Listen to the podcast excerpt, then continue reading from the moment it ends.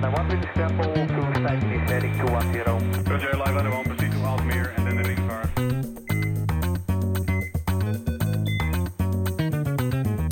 Goedendag beste luisteraars. Welkom bij Ambulance, de podcast.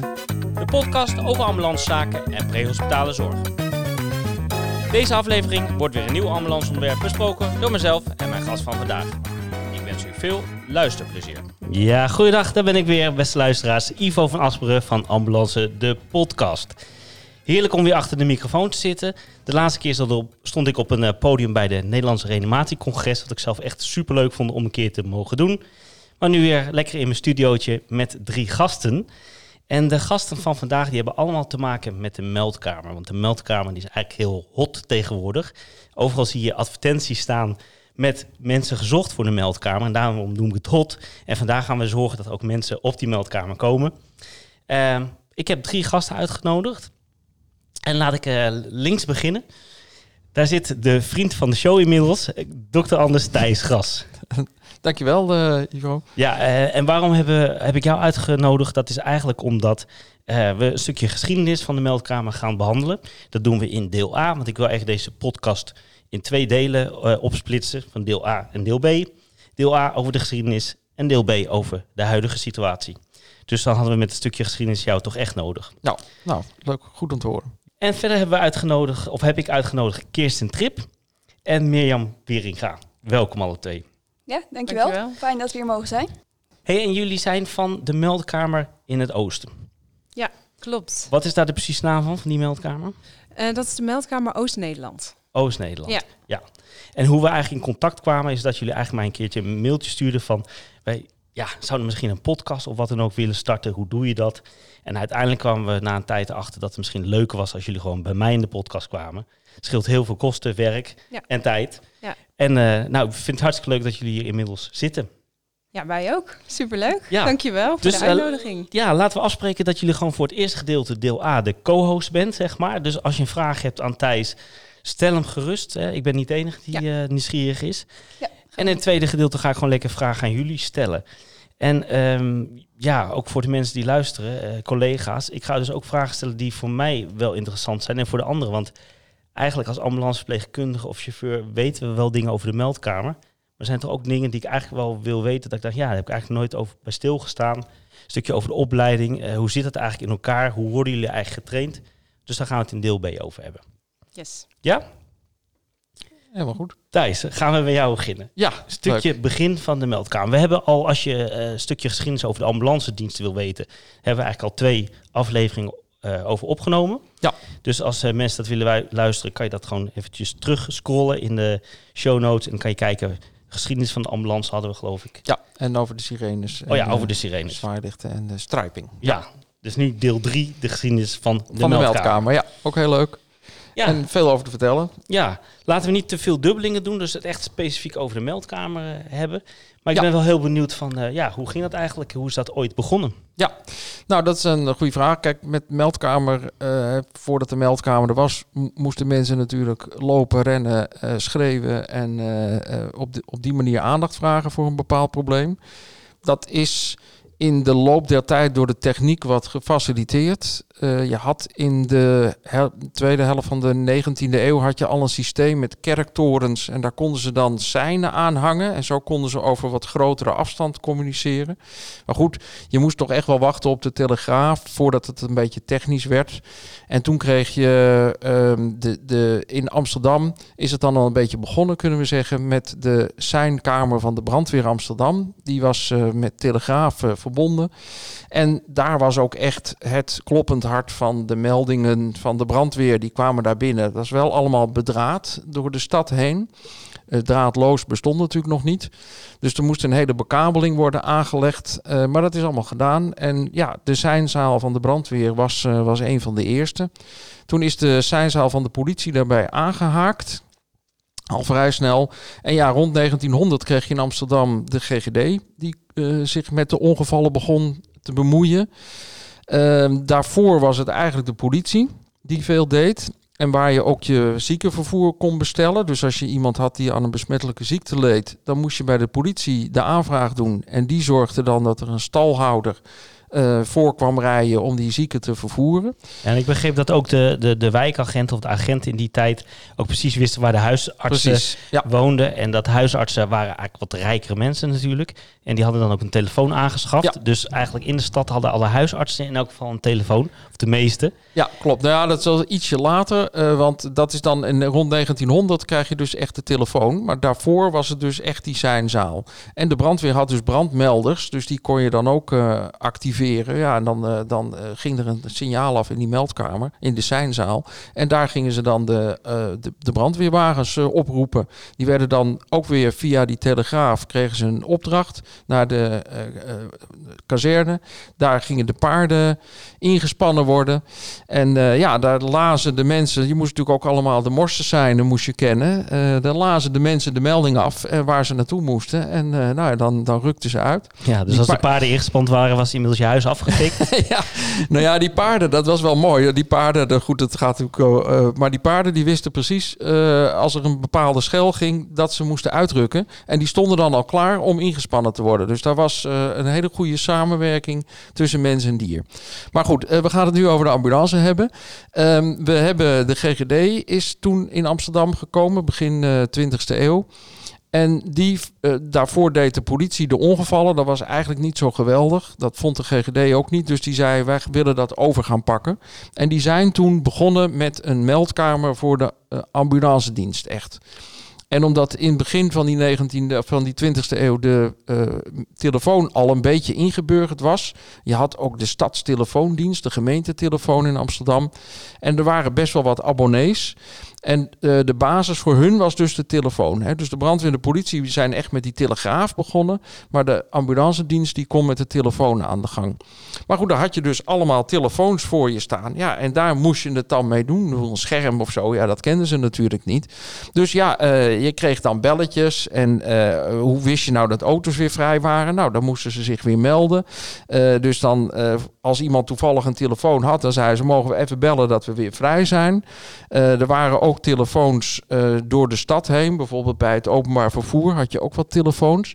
En op een gegeven moment hebben de broeders van de ambulancedienst... die kregen dan een sleutel, zodat ze onderweg ook bij die seintjes of bij die palen konden bellen van naar de meldkamer van nou we zijn weer vrij of we rijden nu hier. Hebben jullie nog wat? Van ja hoe moest die meldkamer ze anders bereiken?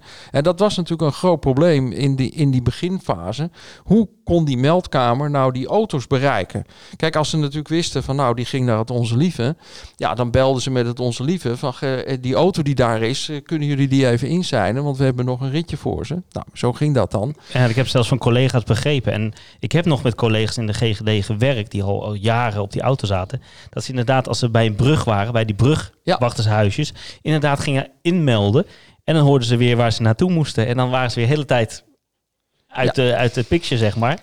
En op de meldkamer was dus ook heel belangrijk dat je goed die regio in je hoofd had zitten. En dat je precies wist, want je moest dus eigenlijk zelf visualiseren wat we nu allemaal op een scherm voor ons zien. Maar dat moest je dus in je hoofd visualiseren waar die auto's zaten. En inderdaad, wat jij zegt, eh, sommige melders die wisten van, oh nou kijk, ik heb ze nu naar Rotterdam gestuurd. Nou, dan komen ze altijd over die brug terug. We hebben nu een spoedrit. Ik bel die brugwachter even. En dan ging die brugwachter op de weg staan als hij die ambulance zag komen. Van jongens, jongens, je moet even aan de lijn komen. Ja, zo ging dat. En ja, werkte dat? Nou ja, natuurlijk niet fantastisch. Maar het werkte op een of andere manier wel. Ze hebben ook een heel bijzonder systeem gehad in Meppel. Eh, daar hadden ze een gemeentedokter. En als er nou een ongeval was in Meppel, dan moesten ze dus, die gemeentedokter was natuurlijk soms wel eens op visite in de stad om dingetjes te doen. Maar hoe kon je die nou bereiken? Die had natuurlijk geen mobiele telefoon in die tijd en ook geen pieper, dat bestond allemaal niet. Nou, hadden ze dus tien mensen die een telefoon hadden in Meppel. Die hadden ze een rode kruisvlag gegeven. En als er dus een ongeval was, dan werd dus door de meldkamer werden dus die tien mensen gebeld van nou, je moet de, de vlag uithangen, want er is een ongeval daar en daar. Je moet de vlag uithangen, want er is een ongeval daar en daar. Nou, die mensen hingen allemaal de vlag uit. Dan moest die dokter, ja, die moest op een gegeven moment wel doorkrijgen. Hé, hey, er hangt er ergens een vlag uit. Oh, dan moet ik me even daar vervoegen. Nou, dan ging je daar naar binnen toe. Dan zei hij, wat is er aan de hand? Nou, er is een ongeval daar en daar, dokter. U moet daar naartoe. Oh, nou, ik ga er wel even heen. Ja, zo ging dat. Dus ehm, dat is heel ja, primitief, kun je zeggen. Maar, maar ja, op die manier werd, werd dat dus wel werd er zo, zo werd er gewerkt. En dat is een beetje het, het begin, eh, zeg maar, geweest. En Je had eh, ehm, in, op het platteland had je de, de nachttelefoondienst van de kruisverenigingen. Dat is begonnen in Groningen in 1913. Dat was dus heel onhandig. Want ja, die, die Rijkstelegraafkantoren, waar de telefoons dan binnenkwamen. Hè, want vroeger moest je natuurlijk die verbindingen moest je allemaal maken. Hè? Handmatig, ja, met van die pinnetjes. Handmatig, van die pinnetjes. Hè? We- we- De uitdrukking, eh, niemand zegt dat meer wat, maar de, ik prik je wel even door. Nou ja, dat, dat komt uit die tijd. Want dan prikten ze ook eh, letterlijk een, een pinnetje in een, in een gaatje. En zo prikten ze, maakten ze die verbinding tot stand. Ehm, dus, dus ja, dat, dat gebeurde daar. Maar die ging om acht uur open. Nou, dan was er dus eh, op twee plekken in Groningen waren er dan mensen met een acute buik die s'nachts nachts problemen hadden gehad. Nou, dan wilde de dokter dat ze naar het ziekenhuis gingen. Nou, dan belde hij om acht uur. Maar ja, dan kreeg je om acht uur kreeg je er twee binnen. Ja, dat was natuurlijk niet handig, want ze hadden maar één auto in Groningen. Dus eh, toen hadden ze bedacht, nou, als we nou een mogelijkheid maken dat die s'nachts ook aangemeld kan worden, dan kan die auto s'nachts ook rijden. Dan is die rit alvast gedaan op het moment dat die wordt aangevraagd. Ook mooi voor de patiënt natuurlijk, dat die meteen vervoerd werd. Dus zo hadden ze de nachttelefoondienst. Dus dan waren er een paar telegraafkantoren open. Daar zat dan een, een centralist en die kon dus dan de verbinding tot stand brengen. En zo konden dus in diverse provincies, dankzij die kruisverenigingen. En dat waren dus eigenlijk regelingen die een beetje het lokale overstegen. En want daar zoek je natuurlijk ook naar. Ik bedoel, heel vaak was het gewoon dat die dokter bij iemand was. En dan hadden ze in het, in het dorp hadden ze een ambulance bij de plaatselijke fietsenmaker. Of bij de taxibedrijf of bij de garage staan. Nou, die dokter wist, oh ja, daar staat die ziekenauto. Nou, terwijl hij met, met zijn patiënt bezig was, zei hij tegen iemand anders. Nou, eh, ren of fiets even naar die eh, garageboer toe, want eh, die, die moet even komen. En op een gegeven moment kregen ze natuurlijk telefoons, ook die garageboeren. Maar ja, dat was voor hun ook werk, hè, taxi. Ja, dat ging je natuurlijk per telefoon bestellen. Maar dan moest natuurlijk altijd iemand bij de telefoon zitten. En dat vergeten we nog wel eens, wat dat een enorme impact op zo'n gezin had. Want dat hele gezin deed vaak mee, van die garagehouder. Dus ja, eh, moeders en ze moesten de ramen openlaten als ze in de tuin bezig waren. Want ja, je moest die telefoon natuurlijk wel horen. Want stel je voor dat er een ambulance besteld werd. En zo probeerden ze dus optimaal bereikbaar te zijn. En ja, hun stinkende best te doen om zo snel mogelijk eh, bij iemand eh, te komen die eh, in nood was. Dat is wel een hele interessante periode geweest. Maar ja, natuurlijk wel een beetje... Primitief, zoals- denk ik. Primitief, ja, zoals we dat nu zouden zeggen. Nou, toen op een gegeven moment in de jaren kreeg je, de jaren 60, 70 kreeg je van die pagers. Nou, dat was natuurlijk al heel wat. Want dan kon je overal rondlopen en dan kon je toch bereikt worden. En eh, ja, gaandeweg is het natuurlijk met die mobielefoons die zijn er gekomen. Dat is eigenlijk pas na de Tweede Wereldoorlog. De techniek was er wel voor de Tweede Wereldoorlog. Maar gedurende de Tweede Wereldoorlog is dat een beetje uit beeld geraakt tijdens de bezetting. En eigenlijk is pas na de Tweede Wereldoorlog is die mobielefoon begonnen. Den Haag was de eerste. Daar hadden ze een taxibedrijf. En die had al zijn taxis eh, met mobielefoons uitgerust. Oh ja, en die had ook nog een ambulance. Nou ja, goed, dan eh, doen we ook nog maar een mobielefoon voor die ambulance. Dat is ook wel handig. Nou, en toen kreeg je dus eigenlijk pas de mogelijkheid om auto's ook onderweg dan op te roepen. Maar in die tijd was natuurlijk wel het bereik van die mobielefoonmast was wel beperkt. Dus je kon niet iemand die in Groningen reed, die kon je vanuit Rotterdam of vanuit eh, eh, Nijmegen of waar dan ook vandaan, kon je die natuurlijk niet bereiken. Dus daar moest je dan wel weer allerlei trucs voor uithalen. Ehm, maar je kon wel in de regio, kon je natuurlijk wel je auto's bereiken. Nou, dan moest je dus ehm, eh, het kanaal openpiepen, eh, zodat je die auto echt aanriep. Eh, dat hoorde je dan ook. Misschien is het leuk om even een, een melding Sluis te laten Maar horen. Dat is, ik denk dat de melding wel ietsje later is. Ja, een melding is iets later. Nou, dan doen we dat ietsje we, we later. gaan, we gaan beginnen ietsje later met die... dan hoor je de analoge systemen, al dat ja, het analoge systeem. Ja. Nou, toen kreeg je dus in, in 19, eh, ja, de jaren 60 was natuurlijk een enorme tijd van verkeersongevallen. En eh, dat was heel, eh, je had toen 3000 doden per jaar. Nou, dat is een gigantisch aantal. Als je bedenkt dat we nu op 600 zitten, dat vinden we dan nog veel. Het zijn er natuurlijk alsnog 600 te veel. Maar ja, goed, in het verkeer kun je natuurlijk nooit helemaal alles uitsluiten. Dus dat we op nul zullen komen, dat eh, geloof ik niet. Maar 3000 is wel heel veel. Dat kwam natuurlijk gewoon omdat iedereen ging maar in de auto. Eh, wegen waren natuurlijk allemaal een beetje... Ja, je kon lekker racen op die snelwegen. Dat ging natuurlijk prima. Ja, slechte Eh, auto's, geen Slechte airbags. auto's, geen, geen airbags, geen, geen, geen veiligheidsriemen. Mensen op motoren droegen geen helmen. Dus dat, dat was allemaal een beetje... Ja, een hele rare tijd was dat natuurlijk. En daardoor waren er ontzettend veel ongevallen. En juist op snelwegen was het dus heel lastig. Niemand wist wie ze daar moesten bellen. Want ja, de snelweg was een soort niemandsland. Kijk, als je in een dorp was, dan wist je heel duidelijk... oh ja, dit dorp moet ik die bellen. En als die dan ook een paar naburige dorpen verzorgde... nou ja, dan wist iedereen in die naburige dorpen ook... ja, kijk, die moet ik bellen. Maar op zo'n snelweg was dat een beetje onduidelijk. Nou, dan had je dus de Rijkspolitie. En die vond het ook heel vervelend dat je dus op die snelweg niet echt duidelijk iemand kon bellen. En die hebben toen het snelwegambulanceproject eh uit de grond gestampt met het Rode Kruis samen. En er werden dus eh, rondom de drukke weekenden, want toen dan was ook het aantal ongevallen was heel hoog. En bij vakanties, want dan ging iedereen natuurlijk met de auto erop uit. Nou, dan ging je met hele gezinnen, ja, en vijf achterin, zes achterin. En dan gingen er nog twee in de achterbak. En eh, ja, je had soms bij een klapper, bij echt een klapper, konden soms 12, 13 mensen betrokken zijn. Als je twee volle auto's had die in elkaar eh, kleunden. Ja, dat is natuurlijk on- onvoorstelbaar voor ons. Dat, dat kennen wij helemaal niet Maar meer. het was ook al heel normaal, want ik kan me herinneren, ik ben van 1977, dus nu 43, is dat ik al altijd naar Frankrijk los op de achterbank zat. Ja. Wij gingen inderdaad met acht kinderen achter in een Renault 4 bestel. Op kleine houten bankjes zaten we en eh, dat was allemaal hartstikke normaal. En eh, er werd ook nog eh, gepaft natuurlijk in de auto. Dat was ook eh, gezond voor de kids. Zeker. Dat, hele andere tijden. Dus die autotijd was toen eh Ja, net wat anders over nou gedacht, ja, toch? en zolang het goed gaat, gaat het natuurlijk goed. Maar op het moment dat je, dat je bij een verkeersongeval betrokken raakt, ja, dan wordt het natuurlijk toch wel een beetje penibel allemaal.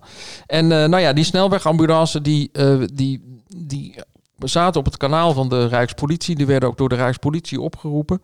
En dat waren dan een aantal vrijwilligers. En die zaten op een tiental plekken op het hoogtepunt. Hebben ze op tien plekken gezeten. En dan stonden ze klaar om hulp te verlenen. Nou, heel veel hulp hebben ze niet verleend. eh, in de loop der tijd. Maar het was wel een project wat een beetje aangaf. Het was een soort eh, ja, eh, project wat, wat een, een klein lapje voor het bloeden eh, was in die tijd. Ja. Heb je maar- enig idee wanneer de hectometerpaaltjes kwamen? Nee, dat weet ik niet, maar dat zal ook een beetje rond die tijd geweest zijn. Je had in de jaren 30 wel een soort systeem van eh, een soort praatpalen systeem, dat je dus mensen kon waarschuwen. En er waren ook op diverse kruispunten, waren de huizen die daar stonden, want die kregen natuurlijk vaak met ongevallen te maken. Die hadden dan een EHBO-trommel en zo'n emaille bord met eh, eh, eh, ja, dat je daar hulp kon halen. En, en vaak hadden ze dus na de Tweede Wereldoorlog dan ook daar een telefoon, zodat ze dan ook hulp konden opstarten. Maar ja, dan belden ze meestal de plaatselijke huisarts als er wat was. En de politie. Want dat waren dan de twee instanties die je natuurlijk nodig had. Ja, en die kwamen dan. En ja, als er dan een ziekenauto nodig was, nou ja, dan wist of de politie of de huisarts, die wisten wel eh, welke particulieren ze moesten bellen. Ja, en in de stad belde je dus de GGD. En dat was dus ook een groot probleem in Nederland, dat dus elk gebiedje had zijn eigen spoednummer. Dus ja, bij de een was het 7 keer 5, bij de andere was het 1, 2, 3, 4, 5. Die had er ook, eh, die hadden 3, 3, 3, 3, 9, 1. En, en dat was een, een, een bonte verzameling aan, aan eh, spoednummers. De een nog mooier dan de ander. Maar ja, landelijk, als je dus per ongeluk eh, een, een ongeval eh, overkwam in een heel ander gebied, dan wist je bij God niet wie je moest bellen. Dus dat was allemaal heel onhandig. Nou, daar kwamen ze natuurlijk in de jaren 60 wel achter. En toen dachten ze, ja, we moeten naar een uniform alarmeringsnummer eh, gaan streven voor heel Nederland. En toen heeft de PTT heeft 0011 gereserveerd. Want we moeten ook niet vergeten, vroeger had je dus draaischijven op de telefoons. Hè? Je moest echt een nummer draaien. Dat zeggen we nog steeds. Hoewel het nu zou het juister zijn om een nummer te drukken of een nummer te roepen. Eh, maar goed, eh, Ja. je hebt allerlei technieken. Ja, de wife. Nou ja, ehm, je, maar vroeger moest je dus eh, draaien. Dus je had die draaischijf. Maar ja, als je natuurlijk het, het laatste nummer... 1 was dus heel dichtbij, maar als je dan een 0 deed, dan moest je die hele draaischijf. Maar wat gebeurde er vaak met kinderen? die gingen natuurlijk spelen met de telefoon. En heel vaak kwamen die bij de 1 uit. Dus dan draaiden ze heel paar keer de 1. Dus ja, als je een nummer had met 111 of iets, dan kwam je heel vaak, kwamen er dus allemaal eh, valse meldingen binnen. Dus toen had de PTT bedacht, nou als we nou 0011 doen, hè, dan moet je dat echt heel bewust draaien. Dat, dat ga je niet per ongeluk doen. Dus zo eh, met die draaischijf is dat, eh, nou uiteindelijk is dat 0611 geworden. Omdat 0011 technisch weer wat eh, lastig was. Dat konden ze toch niet, niet mannen. Eh, in de jaren 70 zijn daar eh, wat proeven mee geweest. Dat is in de jaren 60 bedacht, 70 proeven.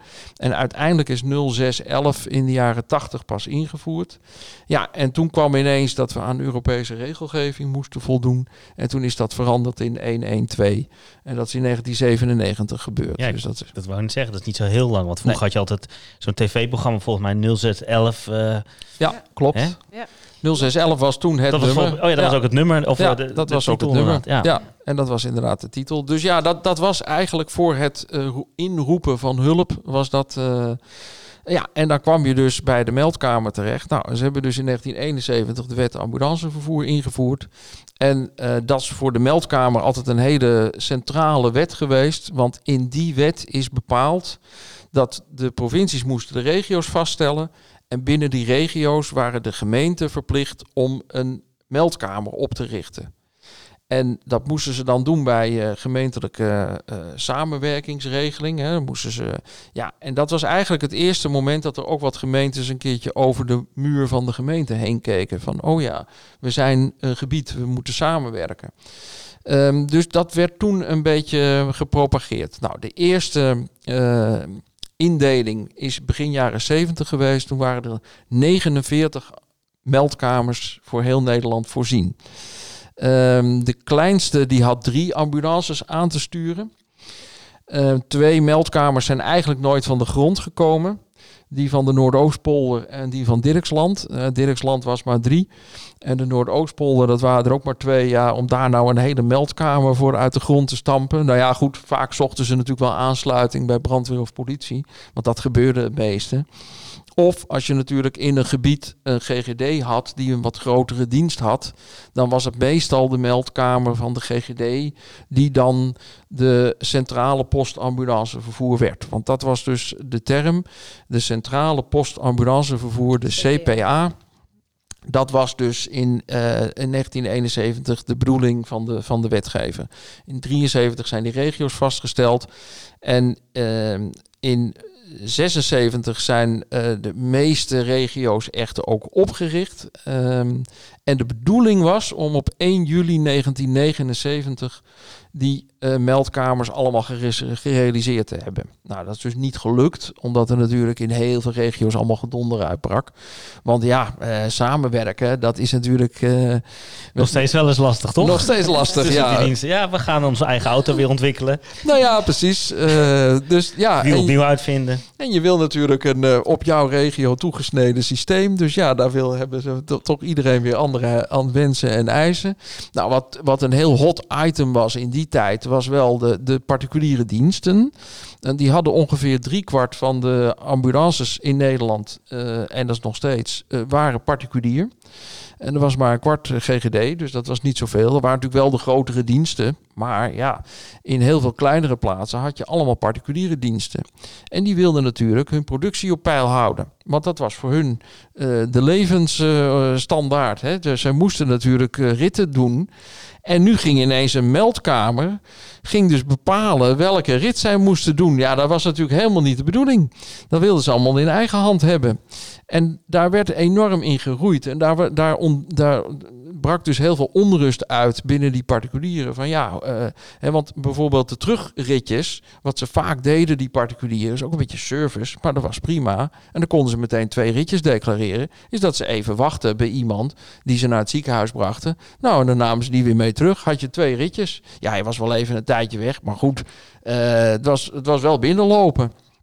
Maar nu moest dus de meldkamer in het gebied waar die rit begon, die ging zeggen, ja, maar ik stuur daar een eigen auto voor, want ja, die moet ook productie draaien. Nou, en zo kreeg je dus een heleboel eh kinderzinnen tussen, tussen met name dan die particuliere diensten en de meldkamer. En, en ja, dat, dat was gewoon een hele, hele zooi is dat, eh, is dat toen geworden. Ja, en in de ene regio waren ze daar wat eh, strakker in dan bij de andere regio. Nou, de laatste meldkamer is in 1987. Dus dat is, dat is bijna acht jaar later dan de bedoeling was tot stand gekomen. Dat was die van Rivierenland. En hoeveel, heb je er, en hoeveel had je er toen? Ja, toen had je er zo'n stuk of 40, 46. Toch nog, ja, toch nog. Ehm, eh, dus, dus dat was eigenlijk het begin. Ehm, ehm, dus ja, Maar hoe werd dan gekeken naar eh, de verdeling van de ritten? Zat daar een bepaalde logistiek in? Nee, daar zat dus geen logistiek in. Er werd dus gekeken naar eh, waar begint het. En er werden natuurlijk binnen die regio's werden er op een gegeven ogenblik wel afspraken gemaakt. Hè? Van nou, wij zijn zo'n grote dienst, dus dan willen we dat gedeelte van de ritten. Dus er werd een soort ritverdeling afgesproken. In Amsterdam bijvoorbeeld had je, had je de dienst, de GGD en de VZA. Die waren op een gegeven ogenblik even groot. Nou, toen is er gezegd, dan moeten we gewoon 50% van het werk is dan voor de VZA en 50% is voor de GGD. En zo gaan we het verdelen. Eh, dus zo kreeg je wel in, in al die regio's kreeg je dus ritverdelingen. Eh, maar ja, goed, dat, dat, het gaf natuurlijk een enorm gedoe dat dat zo moest. En had je ook wel de, de samenwerking zeg maar, met de andere regio's, zoals dat nu ook is? Niet echt altijd, want er was natuurlijk toch, iedereen stond een beetje op zichzelf. En die regio-indeling was ook heel, nou ja, ik wil niet zeggen random, want dat was het zeker niet. Maar ze keken een beetje, want het was natuurlijk am- ambulancedienst. Dus ze keken een beetje van, nou, welke ziekenhuizen hebben we hier in de, buurt, in de buurt? Oh, nou, ja, provinciegrenzen, daar keken ze eigenlijk niet zo naar, want dat was niet zo interessant. Maar ze keken meer naar, ja, welke ziekenhuizen, eh, welk gebied omvatten die ziekenhuizen. En dat werd dan vaak een, een, een regio. Dus, dus ehm, ja, men keek, eh, nou ja, wel...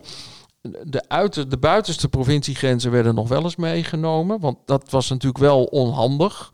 Maar ja, daar, en daar kwamen ook wel wat problemen van hoor. En een, grootschalige geneeskundige bijstand. Kan je herinneren een, een groot ongeluk wat er in die tijd is gebeurd? Dan moeten ze toch andere meldkamers allemaal gebeld hebben Ja. en gezegd van we hebben ambulances nodig. Dat gebeurde wel, maar niet heel vaak. En eh, meestal werd dat eh, gewoon toch eh, met je eigen materiaal werd dat opgelost. Ehm, ja. Er was ook geen model voor, er was geen protocol Nee, er was niet echt zo. een model voor. Nee, dat kwam pas echt in de jaren 80, 90. Dat, dat die afspraken op, op een wat groter niveau, zeg maar, wat hoger niveau gemaakt werden. Met ambulance bijstandsplannen, want die werden toen allemaal wel ontwikkeld. Ehm, maar ja, voor de rest, ja, je had je het gewoon toch in je eigen regio had je het eh, te doen. En ja, dat probeerden ze men Ja. dus ook. Zullen we eens naar zo'n fragmentje luisteren? Echt zo'n, eh, maar dat is met zo'n analoog, hè, dat je nog scanners had. Volgens Ja. mij is dit ook opgenomen via zo'n scanner. Ja, dat, zou, eh, dat klopt. Inderdaad. Je, hebt, je had vroeger natuurlijk, de, de, in de jaren zeventig had je, gingen die politie radio, die kon je op de gewone FM nog wel afluisteren. Maar als je dan naar de, naar de brandweer of naar de ambulance dienst wilde luisteren, dan moest je een scanner hebben. Maar heel veel mensen hadden die scanners. Dan had je kristallen en dan kon je die op bepaalde kanalen en dan kon je die kanalen afluisteren. Ja, Ja. zo ging dat. Ik kan het ook nog herinneren bij de buren als klein jongetje, was ik eh, de 9 of 10, ging daarheen, want mijn buurman had zo'n scanner en dan zat ik echt te luisteren, vol spanning wat er allemaal Ja. gebeurde. Ik heb zo'n fragment en het, het is best wel leuk om weer even te horen, al die piepjes en kraken Ja, en de leuk. manier van praten ook door zo'n meldkamer. Ja. 60, zeg het maar. Deze dan. Aan de Geulstraat, Geulstraat 24 hoog. Mevrouw Buurman zou een hartaanval hebben. Opdracht 112 en de tijd 19 uur 26. De Geulstraat, de voor Buurman. Gaan we naartoe hoor.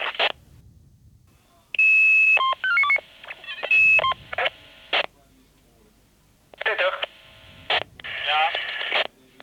Peteringschans 22, daar is iemand gewond. Op 1845. En je ritnummer is 101, 102. Begrepen Henk? Ja, dat is toch prachtig. Er Ja. is iemand gewond. Ja, mooi Nou, hè? Nou ja, kijk, wat, Goed wat, eh, uitgevraagd, toch? Ja, nou, wat er in die tijd natuurlijk heel belangrijk was, was, was de locatie. En eh, ja, wat er aan de hand was, nou ja, dat ging die ambulance wel bekijken. Ehm, ja, dus je moest er gewoon hulp heen sturen. En instructies bijvoorbeeld aan melders werden eigenlijk ook niet gegeven.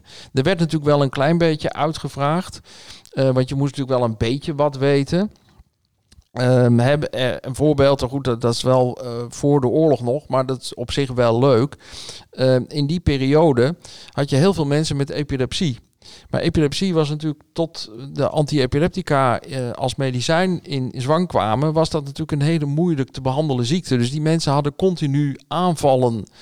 En dan lagen ze weer op straat en dan waren ze weer aan het schokken. Ja, en wat gebeurde er dan? Nou, dan belde iedereen weer van, oh, daar ligt er weer een te schokken. Oh, nou goed.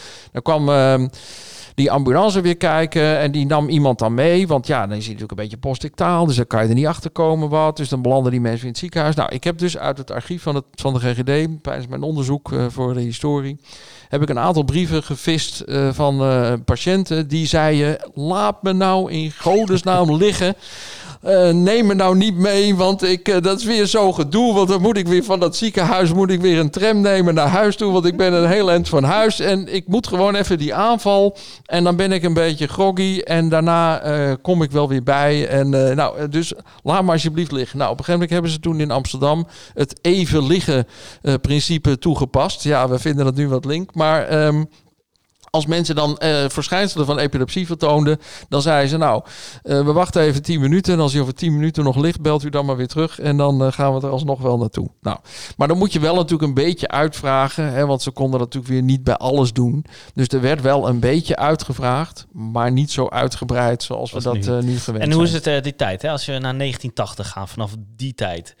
Wie zaten er op dat moment op die meldkamer? Waren dat verpleegkundigen Ja. al? Ja, dat waren al verpleegkundigen. Want in, ehm, eigenlijk was eh, sinds de eerste meldkamer van de GGD, dat waren al verplegers.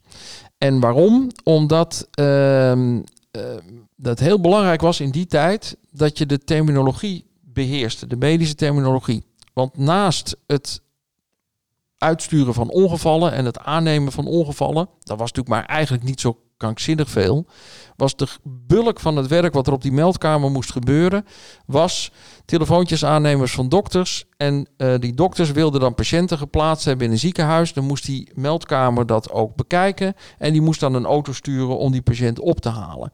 Dus die werden enorm om de oren geslagen met allerlei medische terminologie. En ze moesten dus echt wel wat van wanten weten om tegen die dokters ook eh, te kunnen zeggen, ja, maar dit enzovoort.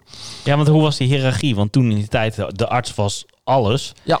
En ik kan me voorstellen dat die artsen vonden dat als zij belden dat... eh, Zeker, maar er waren dus, eh, de, de, de GGD had ook artsen om in te zetten. En die, die zaten ook wel op de meldkamer. Dus die gingen nog wel eens hun confrères te lijf. En ja, kijk, het was natuurlijk ook een beetje... Het werd ook te gek, hè? Kijk, de, de gemeente moest betalen voor arme mensen die het niet konden betalen. Nou, dat is natuurlijk prima regeling. Maar dat moet niet misbruikt worden. En heel veel dokters, dat was dus het idee... die misbruikten dan zo'n ziekenhuisopname... van nou ja, goed, eh, je kan zeggen het was een mooie sociale voorziening... Maar eh, ja, het was wel een dure voorziening. Dus op een gegeven moment ontstonden er ook gigantische wachtlijsten. Ja, en toen dacht men, hier moeten we wat aan gaan doen, want dit kan niet.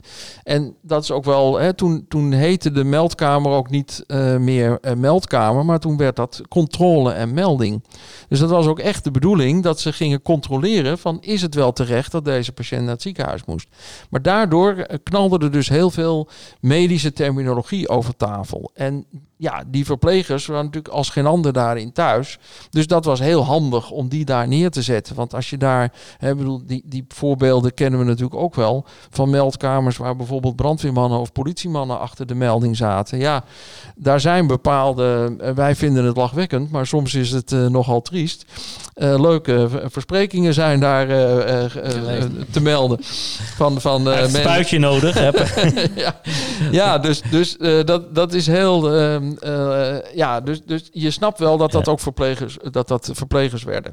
En wat men dus ook in de latere fase, en ook als dus die taak van die CPA bij de brandweer terecht kwam, dan was die brandweer ook wel genegen om mensen eh, met een medische achtergrond, met liefst dan een verpleegkundige achtergrond, om die dan aan te nemen. Want ja, je had natuurlijk die mensen ook al op de auto zitten, dus het was eigenlijk heel logisch om dat eh, te willen. En natuurlijk, bij die meldkamers van de GGD'en zaten al verplegers.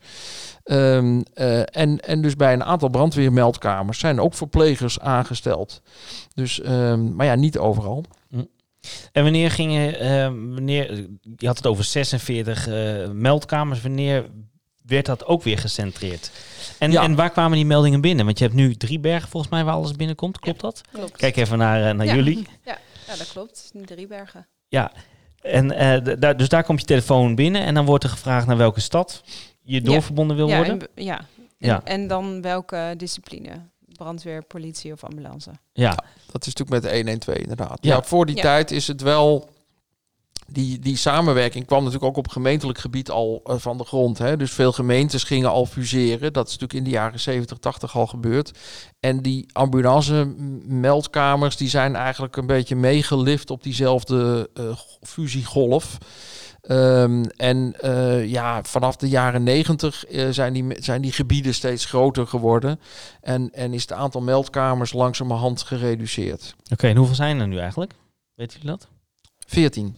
14. 14 meldkamers, hoor ik hier. Ja, Ja, dat is toch en een... het, het moeten er 10 worden. Ja. Ja, precies. Ze gaan Ja. allemaal weer bij elkaar. Dus, ehm, maar goed, de, de, de, ontwikkeling is nog niet helemaal afgerond. Nee, en is dat eh, nu door bezuinigingen of moeten ze bij elkaar omdat het gewoon praktischer is? Ze zeggen praktischer. Eh, vaak is dat eh, uit hoofd van bezuinigingen. Mhm. En of het heel handig is, kun je natuurlijk wel afvragen. Ehm, het worden, kijk, eh, we, we- we moeten natuurlijk. Het is een beetje gek, hè? We, we, we worden met alle drie de disciplines op één hoop gegooid. Maar we hebben eigenlijk een beetje iets andere kijk op logistiek. De politie kijkt altijd heel erg naar de wijk, want dat is natuurlijk hun core business. De brandweer is eigenlijk meer stad, CQ, regio. Ja, en ook, ook echt snel te plaatsen kunnen zijn, hè? Die Ja. zes minuten grens eh, van hun. En, eh, maar de ambulancedienst kijkt vaak nog wel wat groter, omdat wij natuurlijk ook te maken hebben met allemaal ziekenhuizen waar we, waar we mee van doen. Dus we hebben een iets andere eh, kijk op schaal en op logistiek. Dus daarom in die zin passen we niet zo heel goed bij elkaar. Want de politie zou wat kleinschaliger moeten werken om dat goed te handelen. Want ja, dat dat, dat echt eh, achtervolgingen over landelijk zijn, nou ja, dat gebeurt natuurlijk niet zo vaak. Het is meestal een dief en die loopt daar en die moet gepakt worden. Ja. En bij ons is het zo dat we hebben dan eh, de inzetplek, maar we hebben ook de bestemmingsplek van het ziekenhuis. En die kan nogal ver uit elkaar liggen als je neurotrauma hebt en je moet naar een neurologisch eh, of naar een neurochirurgisch centrum. Ja. Dus ehm, en de brandweer is natuurlijk heel erg eh, gericht op alleen maar ter plaatse. En die, willen, die hebben natuurlijk wel wat bijzondere voertuigen. Dus je gaat niet in één stad eh, al die bijzondere voertuigen hebben en dat niet ten, ten gunste laten komen van, van af en toe wat eromheen, omdat dat heel zelden voorkomt dat die nodig zijn. Dus, dus die kijkt wel op een ietsje grotere schaal dan, dan de politie. Ja, het is natuurlijk ook zo op zo'n... eh, elke meldkamer is weer anders. Eh, ik weet niet hoe druk jullie meldkamer is. Zal, jullie zitten... Ja, waar zit je eigenlijk? In Zwolle zelf? Eh, nee, wij zitten eh, in Apeldoorn. In Apeldoorn. Ja. En eh, wij werken toevallig allebei dan voor IJsseland, het gebied IJsseland. Ja. Ja. Maar je Wat- hebt dus de meldingen voor eh, eh, Noordoost-Gelderland en IJsland bij elkaar. Ehm, maar hoeveel mensen zitten ongeveer bij jullie op die meldkamer? In een dagsituatie zitten we met eh, twee uitgiftecentralisten en vier aannamecentralisten. Dus met Oh, Oké. z'n zessen.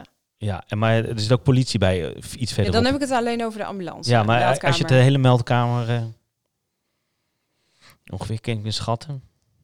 Mm, Bij de brandweer zitten meestal drie centralisten.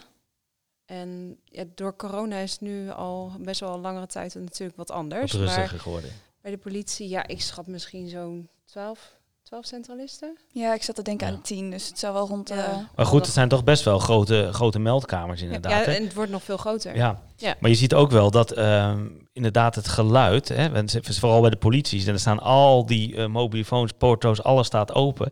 Dat ik ook wel eens op die meldkamer kwam en dacht van, hoe kan je hier werken als centralist bij de ambulance? Want er kwam toch, als er dan zo'n eh, achtervolging is, kwam er toch een geluid van die kant van de politie en dan eh, de brandweer. En uiteindelijk als je ze nodig had, moest je nog bellen. Hè? Ja. Dan kon je, of je kan je vinger opsteken Ja. van hallo, maar uiteindelijk moest je nog bellen. Ja. Dus dacht ik altijd, wa- waarom zetten ze die dan in één ruimte? Ja, Ja. dat is mijn eh, vraag. Ja. Denk ik, zorg even voor goede geluidsisolatie. Hoe denk jij daarover? Nou ja, ik eh, ben het helemaal met je eens, eh, Ivo. Want eh, ik, ik denk daar natuurlijk ook zo over. Ik heb het zelf natuurlijk ook meegemaakt. Hè. We, we waren als Amsterdam nog de laatste monodisciplinaire meldkamer. In 2013 zijn we toen overgegaan, eh, als laatste in Nederland. En eh, ja, die- dat verschil hebben we natuurlijk heel duidelijk gemerkt. Kijk, als jij eh, met een kinderreanimatie bezig bent of met een complexe MMT inzet, dan is het even druk aan jouw kant. Maar dan is het vaak bij de brandweer of de politie is er natuurlijk niet zoveel te doen. Ja, en als de brandweer een grote brand heeft, ja, dan is er heel veel luidruchtigheid uit, uit hun hoek. En daar heb je dan, als jij dan op dat moment een kinderreanimatie-instructie moet doen, is dat heel vervelend. Want dat, dat leidt enorm af. Hoe ervaren jullie dat? Eh, ja, best soms als storend inderdaad. En vooral als je in een melding zit die jouw aandacht eh, volledig eh, eist. Dat is altijd natuurlijk, maar je, inderdaad een kinderreanimatie of een jong persoon die gereanimeerd moet worden. Dan, ja, dan kan dat best wel heel storend zijn, dat er veel ruis is. Ja.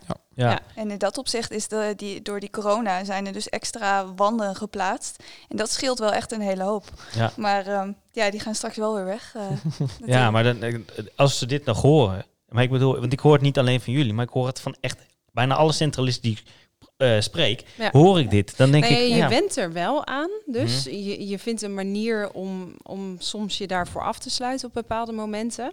Alleen als ik, ik kan aan mezelf ook merken, als ik een drukke dienst heb gehad waarbij er veel ruis op de meldkamer is, ja, dan, dan vraagt dat wel veel van je. Ja. Ja, want je Ja. moet je continu blijven focussen. En wanneer vind je dit positief? Wanneer zeg je van het is echt een meerwaarde dat we bij elkaar zaten, want we zijn even naar elkaar? Of eh, hoe is die communicatie? Doen jullie, steken jullie een vinger op? Of staan jullie, eh, weet ik veel, vlagsignalen van de ene kant? Je moet wel fysiek echt naar elkaar toe lopen, want daar is het gewoon te groot voor. Ja. En nu dus ook letterlijk gescheiden door, eh, door banden. En daarbij Dus, willen ze ja. eigenlijk ook graag dat je alles gewoon via de systemen doet. Dus dat je niet naar elkaar toe loopt. Ja.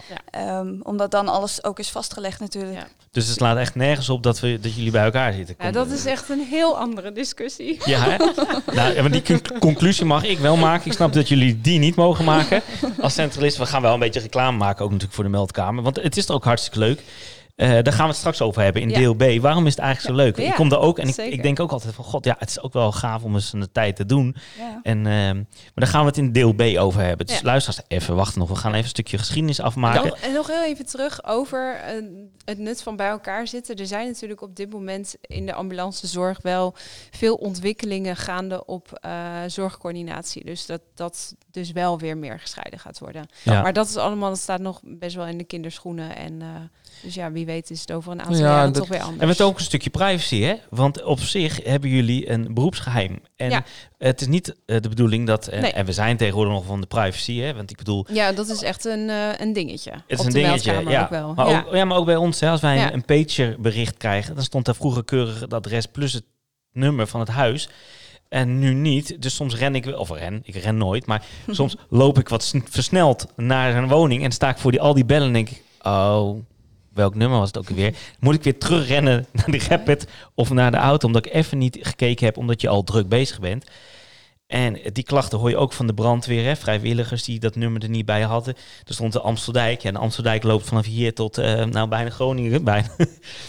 Ja. Ja, dan is het wel eens lastig, maar dat is allemaal in het teken van privacy. En Ja. natuurlijk ook niet de bedoeling dat de brandweer en politie kan meeluisteren met privacygevoelige informatie. Nee. En pagers zijn natuurlijk ook gewoon eh, publiekelijk eh, te lezen. Ja, Dus dat is eh, sowieso natuurlijk erg privacygevoelig wat je daarin eh, ja. kwijt.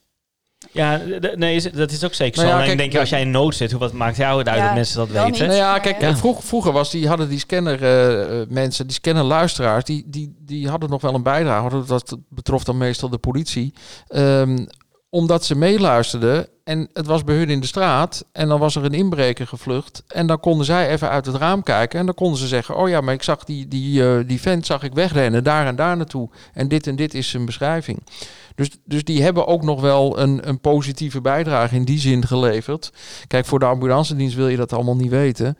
Ehm, eh, want daar is het inderdaad privacy gevoelig. Hè. Eh, het is wel leuk dat je dat punt op. Ik weet niet of jullie het, het geval van de moord eh, kennen, de moord in Groningen.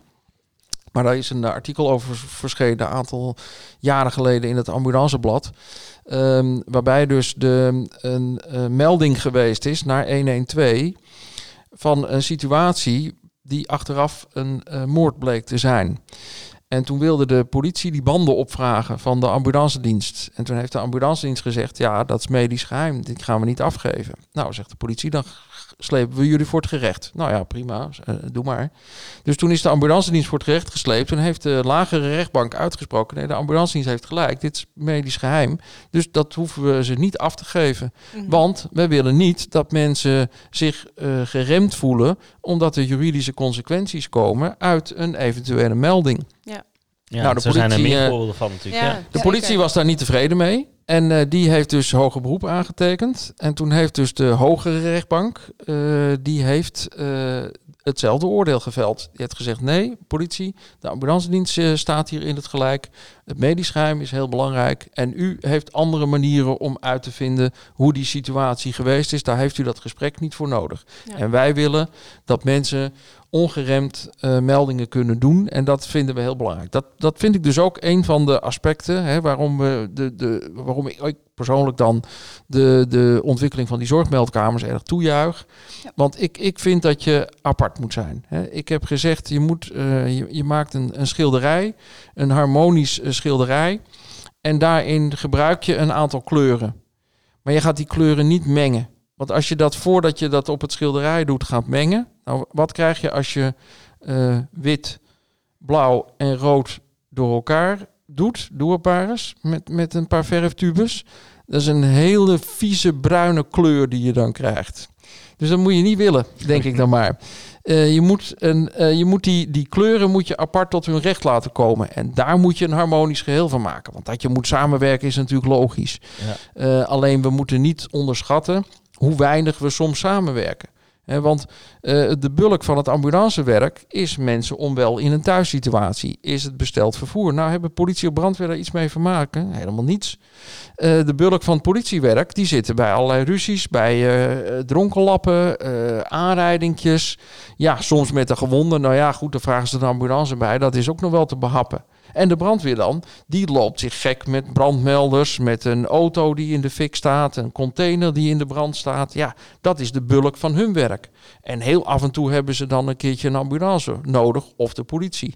Maar er is dus van al die, eh, van dat bulkwerk is maar een hele kleine overlap. En van die overlap is maar een heel klein deel dusdanig complex dat het handig is dat je bij elkaar zit. Ja. Eh, dus ik, ik snap wel dat je bij elkaar gaat zitten. Maar ja, ik ben toch ook wel voor. Geluidsduchte glazen muren. Dat je elkaar wel ziet, maar eh, misschien wat en je minder kan wel naar elkaar toe, maar Ja, precies. privacy. Inderdaad. Wat ik eh, ook wel interessant vind om eens te bespreken is het stukje van eh, nou, de inzet. Hè? Jullie hebben een, eh, twee minuten de tijd om een gesprek aan te gaan, om te bepalen moet er wel een ambulance heen of niet. Dat is kort, twee minuten in sommige gevallen. Zeker als je iemand hebt aan de lijn die al nauwelijks verstaat, die eh, wat moeizaam Nederlands praat, zeg maar. Eh, ja, dan heb je wat langer de tijd nodig. En dan moeten wij gaan rijden. heb je een minuut opstarttijd. Hè? Dus vanuit je maaltijd naar beneden de auto starten, dat moet binnen een minuut. En dan hebben we eigenlijk nog 12 minuten over om daar te komen.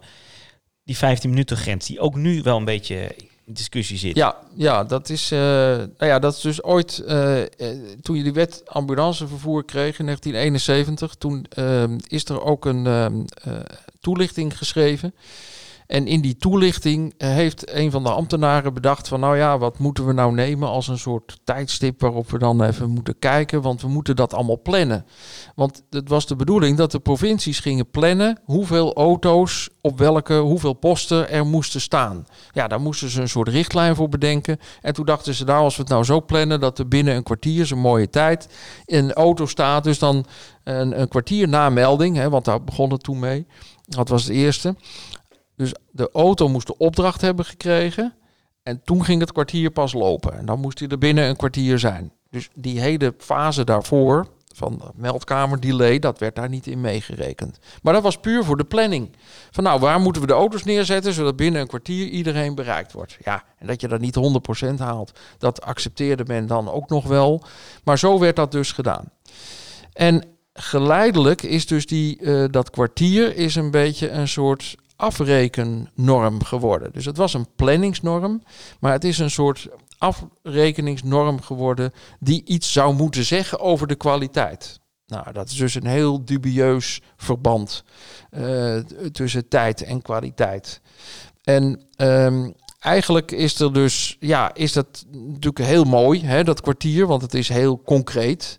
Het is heel smart. Het is, eh, iedereen kan daar wat mee. Iedereen kan zich er ook iets bij, wat bij voorstellen.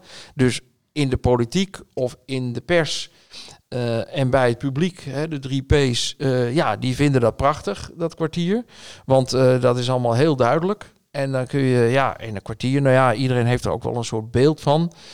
Maar eigenlijk is dat natuurlijk nooit goed onderbouwd. En medisch inhoudelijk kun je dat al helemaal niet onderbouwen. Want ja, bij het ene geval is dat kwartier veel te lang. En in het andere geval is het kwartier veel te kort. Dus ehm, eh, dat is een heel raar. En toen is dus ook nog eens een keer die uh, omslag gekomen dat je zei van ja, maar toen moet eigenlijk tellen vanaf het moment dat die melder de meldkamer aan de lijn heeft. En dat is dus het moment geweest waarop uh, die auto's, die kregen dus steeds op hun kop. Ja, maar jullie zijn 15 minuten over tijd. Ja, ja, ja, zei die auto's. Maar dat komt door die meldkamer. Die uh, was aan het uitvragen en uh, die, die heeft dat allemaal gedaan. Nou, en toen hebben ze dus bedacht, nou laten we nou eerlijk zijn. Uh, we, gaan die meldkamer moet dat dan binnen twee minuten ophoesten. Nou, dan heb je één minuut uitdruktijd, dat is dan wel reëel. En ja, dan hou je dus nog twaalf uh, minuten rijtijd over. Dus toen is dus die hele planning, ook van die ambulances, op die 12 minuten uh, gebaseerd geraakt. Maar zo is dus die twee minuten in dat meldkamerdomein geslopen eigenlijk. Want die had daar eigenlijk natuurlijk helemaal niks te zoeken. Want ja, ik, ik heb zelf achter die knoppen gewerkt. Nou, ik durf te zeggen dat bij 80, 85 procent van de gevallen weet ik binnen 10 seconden, ah, dit is foute boel. Ja. Hoe ervaren jullie dat?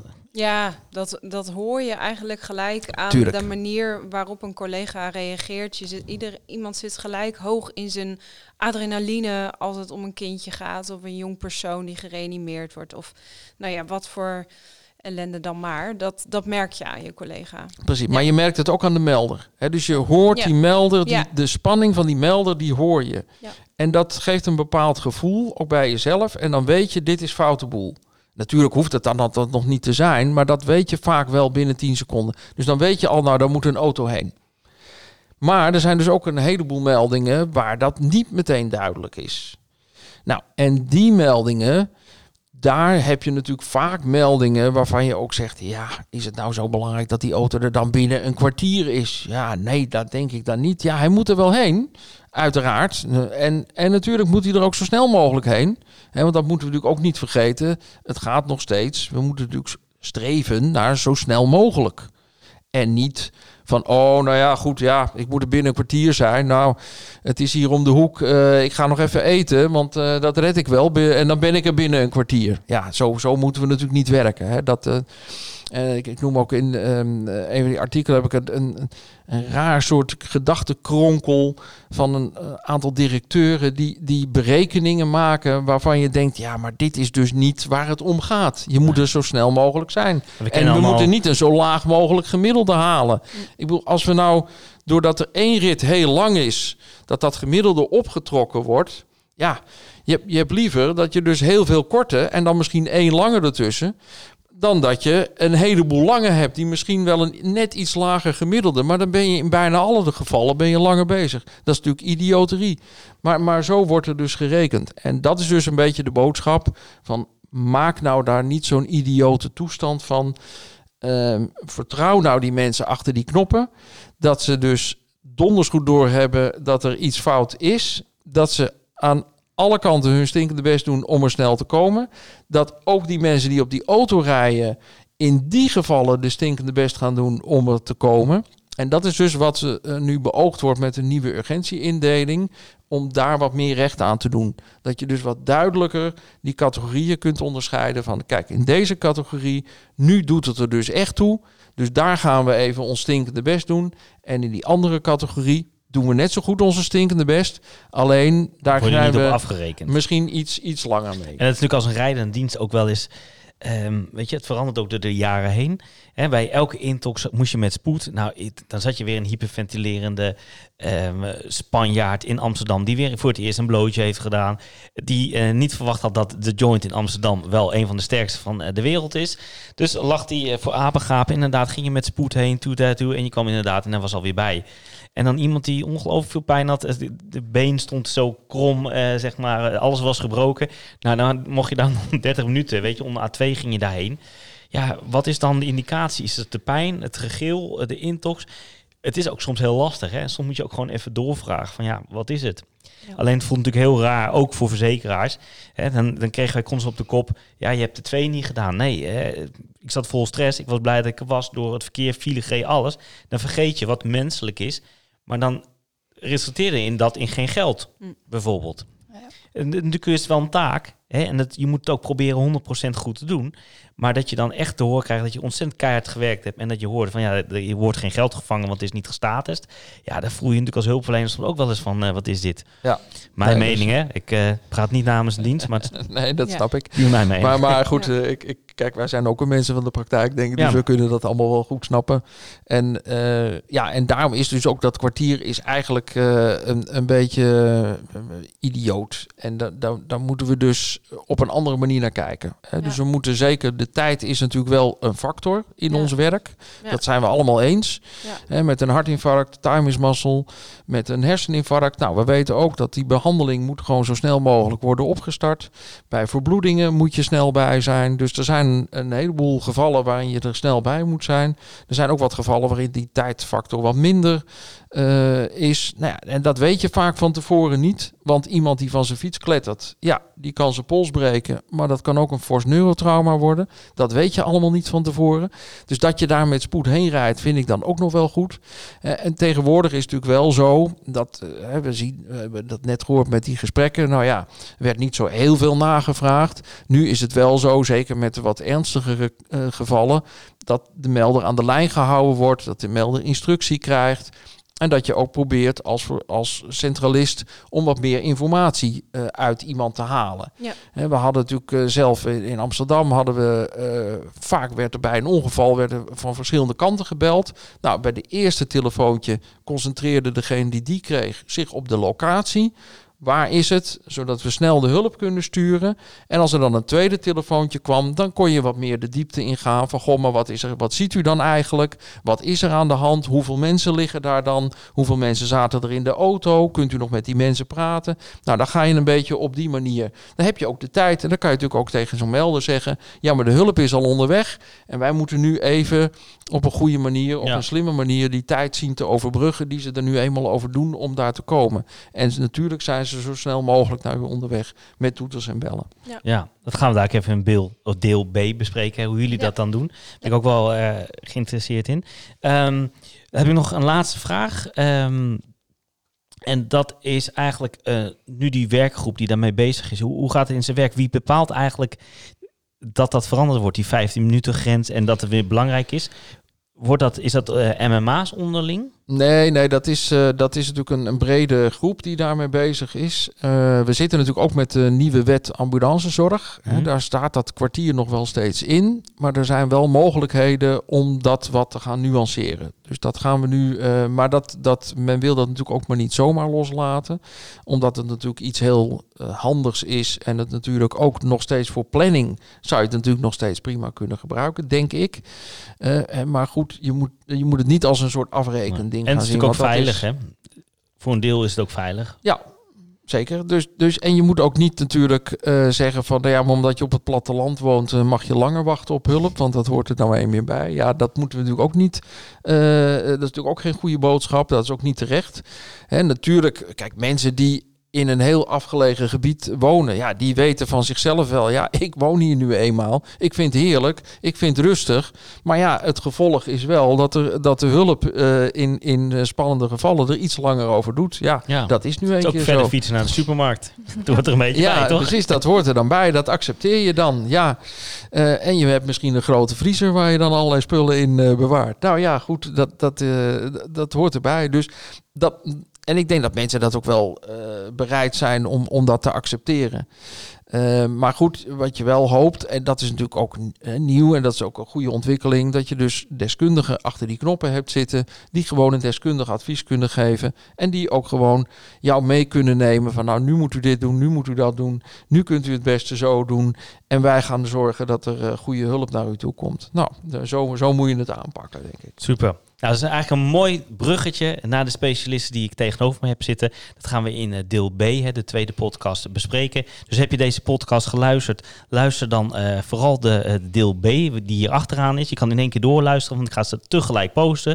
Dan gaan we het over eh, dat werk hebben. Nog een laatste vraag aan jou. Ik had ik net al gezegd, de laatste vraag, maar nog een laatste vraag. Wat vond jij zo leuk aan het werk op de meldkamer? Nou, wat ik. eh, kijk, een van de leuke aspecten is natuurlijk dat je van zo'n gebied. Je krijgt alles mee wat er in dat gebied gebeurt. Als je op de auto zit, dan krijg je alleen maar eh, je eigen stukje mee.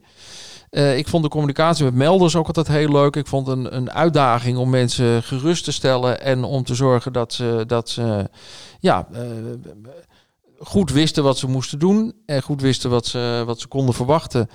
En ook als we geen ambulance naar ze toestuurden, dat ze wel tevreden waren over wat we, wat we eh, eh, aangeraden hadden. En dat ze ermee mee konden leven, letterlijk. Ehm, eh, maar goed, eh, du- dus dat, dat vond ik eh, iets. En, en wat me ook opviel, je hebt altijd het idee van nou op die meldkamer ben je een beetje solistisch bezig. Maar het is veel meer teamwork dan je op het eerste gezicht denkt. Omdat, ik vertelde net al even dat voorbeeld.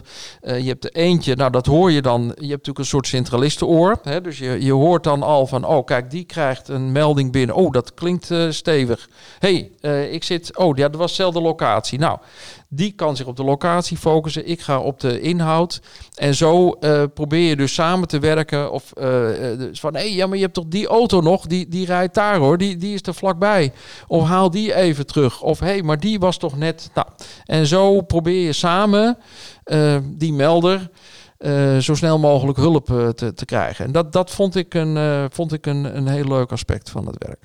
Mooi. Ja, leuk. Nu nog werkzaam op de ambulance, dus je hebt vanaf de andere kant. Ja. Mag ik jou eh, hartelijk danken dat jij hier eh, dit stuk geschiedenis wilde vertellen. Ja, graag Super gedaan. interessant. Voor de luisteraars, eh, wil je dus meer weten, ga naar de volgende podcast.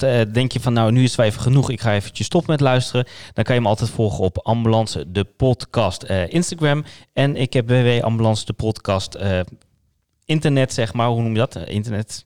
Internet zo breed. De site, Ambulance de podcast. Dus www.ambulancedepodcast.nl. Waar je naartoe kan gaan, dan kan je nog wat extra informatie eh, vinden. En eh, graag tot de volgende keer. Jullie ook bedankt, dames. Ja, graag gedaan.